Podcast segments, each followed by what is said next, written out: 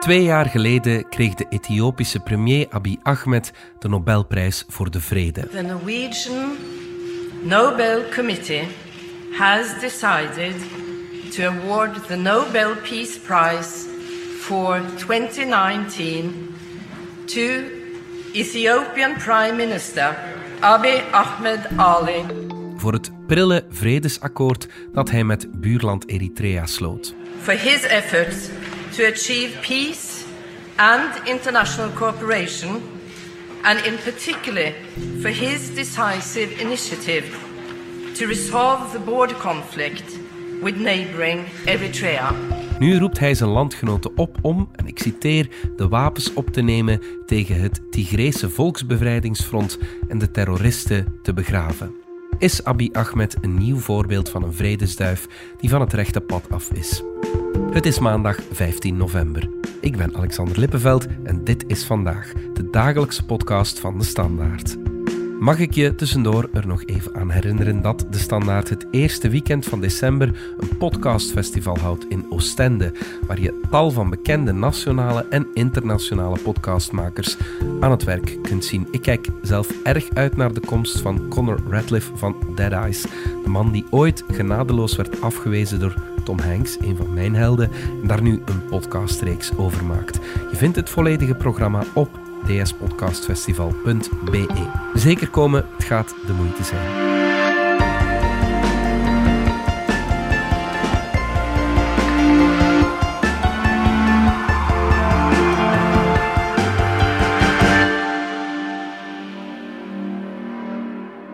We situeren ons vandaag in de Hoorn van Afrika, het oosten van het continent in Ethiopië. Dat land ken je vooral van Australopithecus lucy, zowat de bekendste archeologische vondst ooit, en genoemd naar het bekende liedje van de Beatles.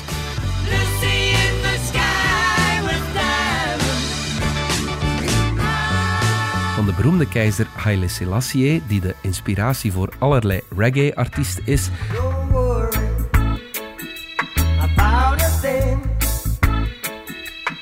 en van min of meer de beste marathonlopers van de wereld. Ethiopië is, na Nigeria, het land in Afrika met de grootste bevolking, 108 miljoen inwoners. Het is een federale staat met zes landstalen, de hoofdstad is Addis Abeba en het land is opgedeeld in regio's die een hoge autonomie hebben en ingericht zijn op basis van etniciteit.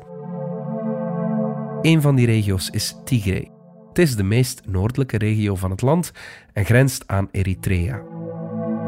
Koen Vidal, chef van onze buitenlandredactie Tigray, is ook de basis van een bijzonder bloedig en verontrustend conflict. Leg eens uit.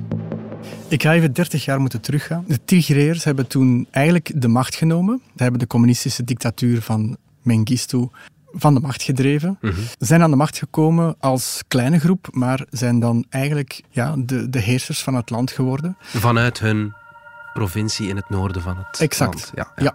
Dat maakt dat zij op 30 jaar hebben zij de, de politieke elite gevormd, de Mhm. militaire elite. Dus bijna alle generaals van het Ethiopische leger, tot voor enkele jaren, Mhm. dat waren generaals uit Tigray. Wat is er gebeurd? Dus Abiy is in 2018 aan de macht gekomen.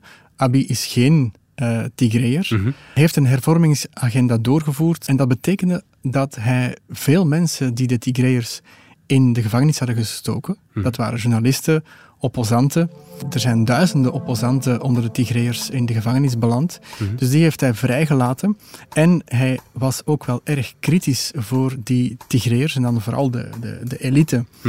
Hij heeft die een beetje op een zijspoor gezet, waarna die mensen, dus die topfiguren, zich teruggetrokken hebben in hun eigen regio, Tigray. Vanuit die frustratie is in het najaar van 2020, dus vorig jaar, ja, die spanningen namen toe. Eh, er waren regionale verkiezingen gepland en de Tigrayers hoopten dat zij op die manier meer autonomie zouden krijgen. Die zijn niet doorgegaan, het excuus was COVID. Uiteindelijk hebben zij eh, een aantal militaire posten van het eh, Ethiopische regeringsleger aangevallen. Ja. En daarop heeft Abiy eh, zeer hard gereageerd. Hij heeft zijn leger erop afgestuurd en toen is de oorlog begonnen. Ja, we hebben één partner in het conflict nog niet aangehaald, Eritrea. Zij hebben ook een belangrijke rol. Hè? Ja, absoluut. Eritrea heeft ook tegen de Tigreërs, uh, toen die nog aan de macht waren, lange tijd oorlog gevoerd. Het was ook een heel bloedig conflict, uh, veldslagen waarbij duizenden militairen zijn gestorven. Dus tussen Eritrea en de Tigreërs, uh, dat zijn eigenlijk erfvijanden. Mm. Abiy heeft toegestaan dat Eritrea mee begon te vechten in het in het jongste conflict. Mhm. En ook de Eritreërs zijn bijzonder hard tekeer gegaan tegen de uh, militairen van Tigray, mhm. maar ook tegen de bevolking. Mhm. Ze hadden nog een uitstaande schuld. En zowat alle oorlogsmisdaden die je kan begaan, uh, zijn ook begaan. Vooral tegen burgers. Ja, ja. Ben je er ooit geweest? Ja. ja.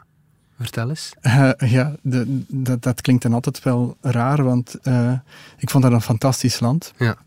En Addis Abeba is een, is een ongelooflijk fascinerende stad. In de zin dat die stad de afgelopen 15, 20 jaar enorm gegroeid is. Mhm. Dat is een groot stad. En wat eigenlijk ook wel dramatisch is, is dat dat etnisch element bij veel Ethiopiërs eigenlijk, zeker de jonge generatie, en dat zijn er echt heel veel, mhm. veel minder speelt. Er mhm. zijn enorm veel gemengde huwelijken.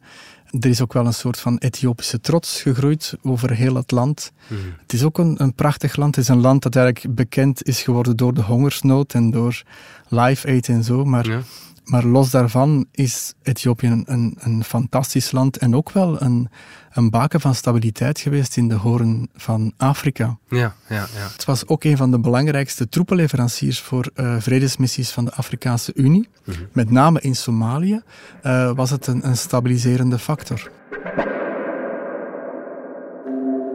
Die stabiliteit die lijkt nu helemaal verdwenen. Wat mij frappeert is dat de premier van dat land, Abiy Ahmed, twee jaar geleden nog de Nobelprijs voor de Vrede kreeg. I am committed to toil for peace every single day and in all seasons. I am my brother's keeper. I am my sister's keeper too. Hoe kan het zo verkeren? Ja, dat is zeer frappant. Hmm. Op het moment dat hij die kreeg, stond hij bekend als een hervormer en als een vredestichter. Dus hij was erin geslaagd om een pril vredesakkoord te sluiten met Eritrea, mhm. wat, wat absoluut wel een, een vooruitgang was. Mhm. En uh, even later is hij er zelfs in geslaagd om de spanningen in Soudaan tussen de vorige militaire heersers en een aantal burgergroepen om daar een soort politiek akkoord te smeden. Dus dat was eigenlijk ook een enorme doorbraak. Ja. Hij heeft veel mensen vrijgelaten. Hij heeft die, een aantal van die mensen die hij heeft vrijgelaten tot topfuncties benoemd. Ehm, de helft van zijn regering waren vrouwen. Dus hij zat echt wel in een, in een hervormingsagenda. Mhm. Op dat moment heeft hij de Nobelprijs uh, gekregen. I have promises to keep before I sleep. I have miles to go on the road of peace. Veel mensen vonden dat terecht en misschien op dat moment was dat ook terecht. Dat heb ik op dat moment ook zelf geschreven. Mhm. Er waren veel mensen gecharmeerd door Abi. Ik was ook gecharmeerd door Abi. Ja. Nu was het wel zo, en dat heb ik gelukkig ook geschreven, is dat hij nog wel zijn uh, Nobelprijs moest verzilveren. Er moest nog heel veel gebeuren. En een van de belangrijke dingen was om een soort van modus vivendi te zoeken met de vorige machthebbers, Tigray. En daar is het echt fout gelopen. Er was veel hoop dat Abiy een verzoenende kracht zou zijn. Hij spreekt de drie landstalen goed en hij komt ook uit de grootste etnische groep, de Oromo. Ja, ja. dat is de reden van die Nobelprijs, ja. Ja, en ook zijn, uh, zijn uh, religieuze afkomst, zowel christelijk als moslim. Ja.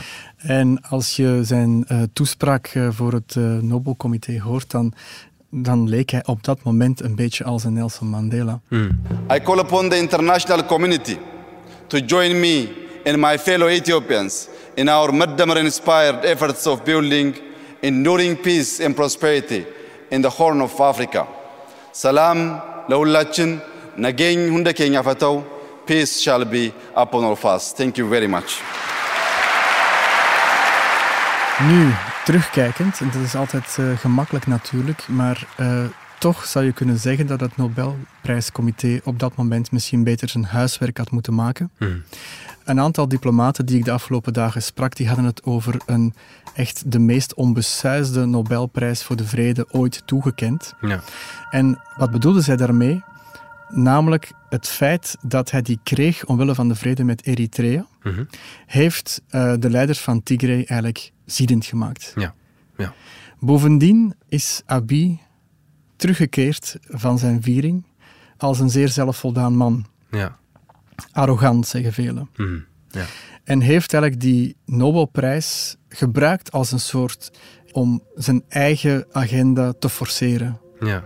Hij dacht dat hij eigenlijk eh, untouchable was op dat moment. Eh, en dat heeft de Tigreërs eigenlijk eh, bijzonder boos gemaakt en gefrustreerd.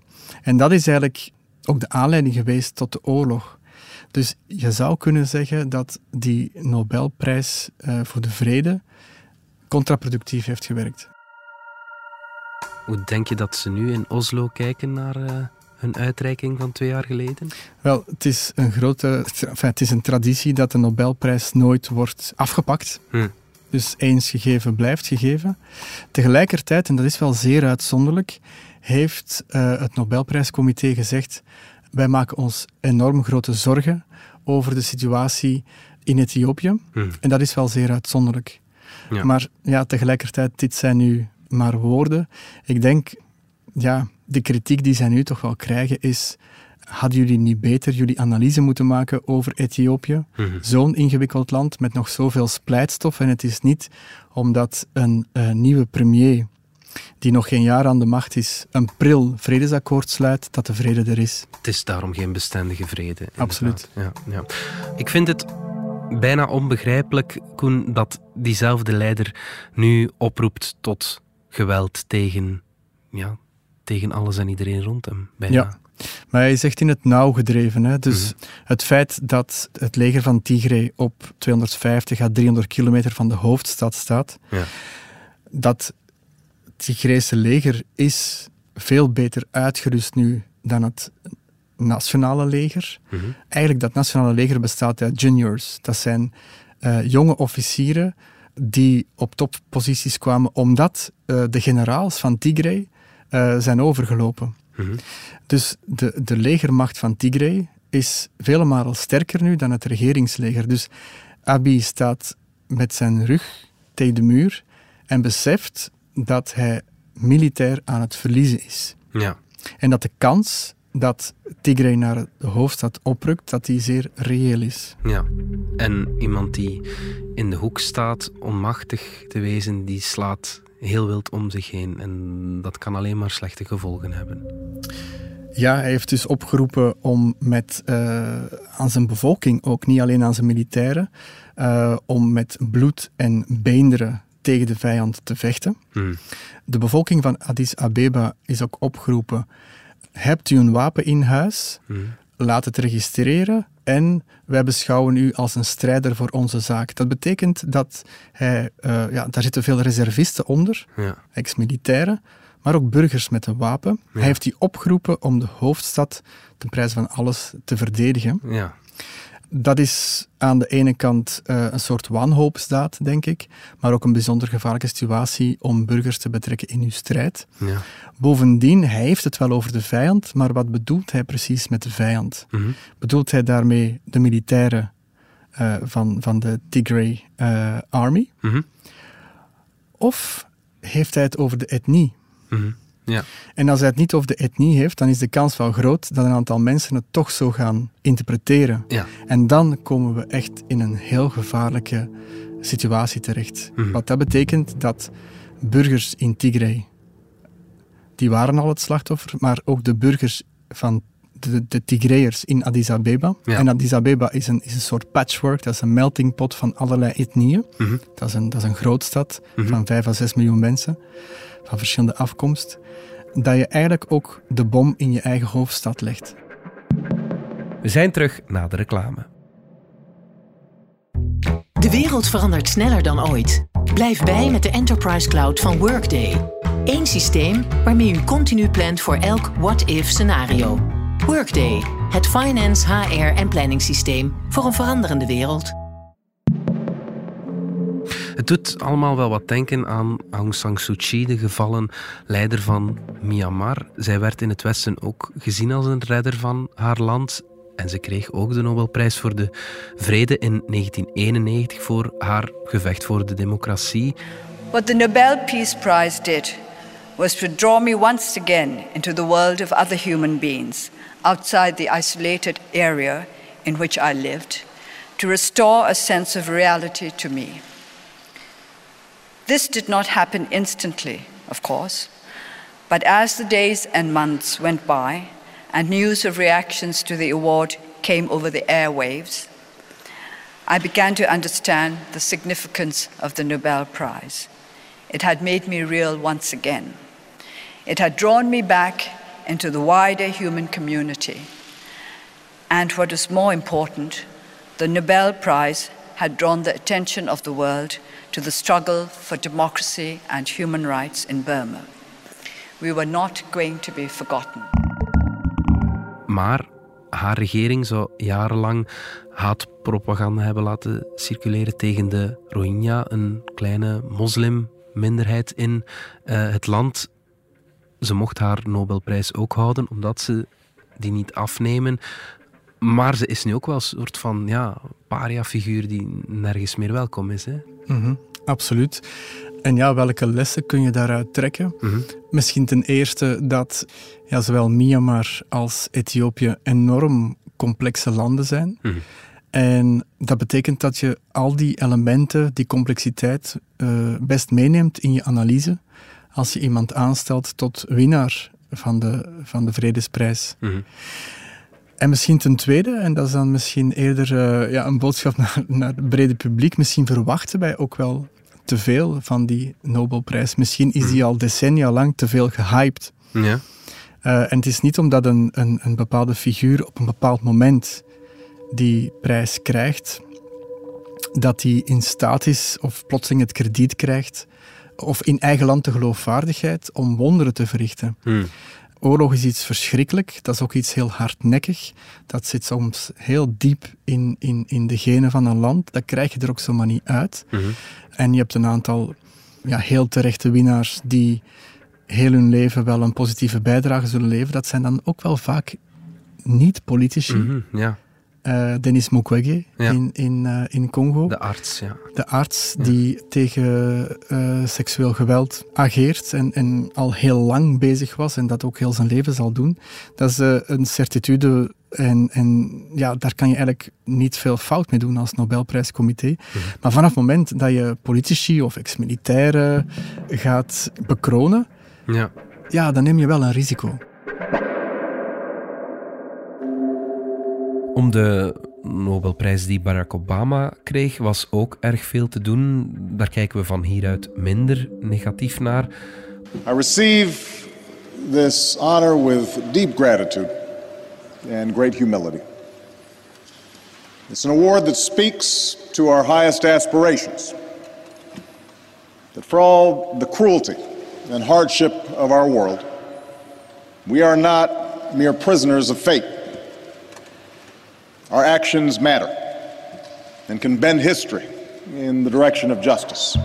Maar daar was toen ook wel heel wat reserve over. Hij was toen in 2009 eigenlijk nog maar net president. Exact, ja. ja. En, en de reacties zijn nu ook wel heel gemengd. Hè. Je hebt een aantal mensen die zeggen van ja, Barack Obama heeft toch komaf gemaakt met een, een, een, een, woordgebruik van, uh, van de vorige president, uh, mm. George W. Bush, Irak-oorlog enzovoort. Maar uh, anderen zeggen van ja, het was veel te vroeg. En ten tweede, van Barack Obama wordt ook wel gezegd dat hij die oorlog ja, op bepaalde vlakken erger heeft gemaakt. Mm. Hij heeft uh, meer drones ingezet uh, mm. in, in Afghanistan bijvoorbeeld. Dus ja. toch een heel gecontesteerde prijs. -hmm.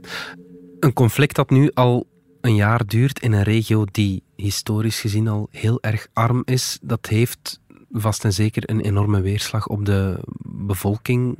Gaat het conflict vandaag niet vooral over honger? Dat is zeker een van de uh, dramatische gevolgen van dat conflict.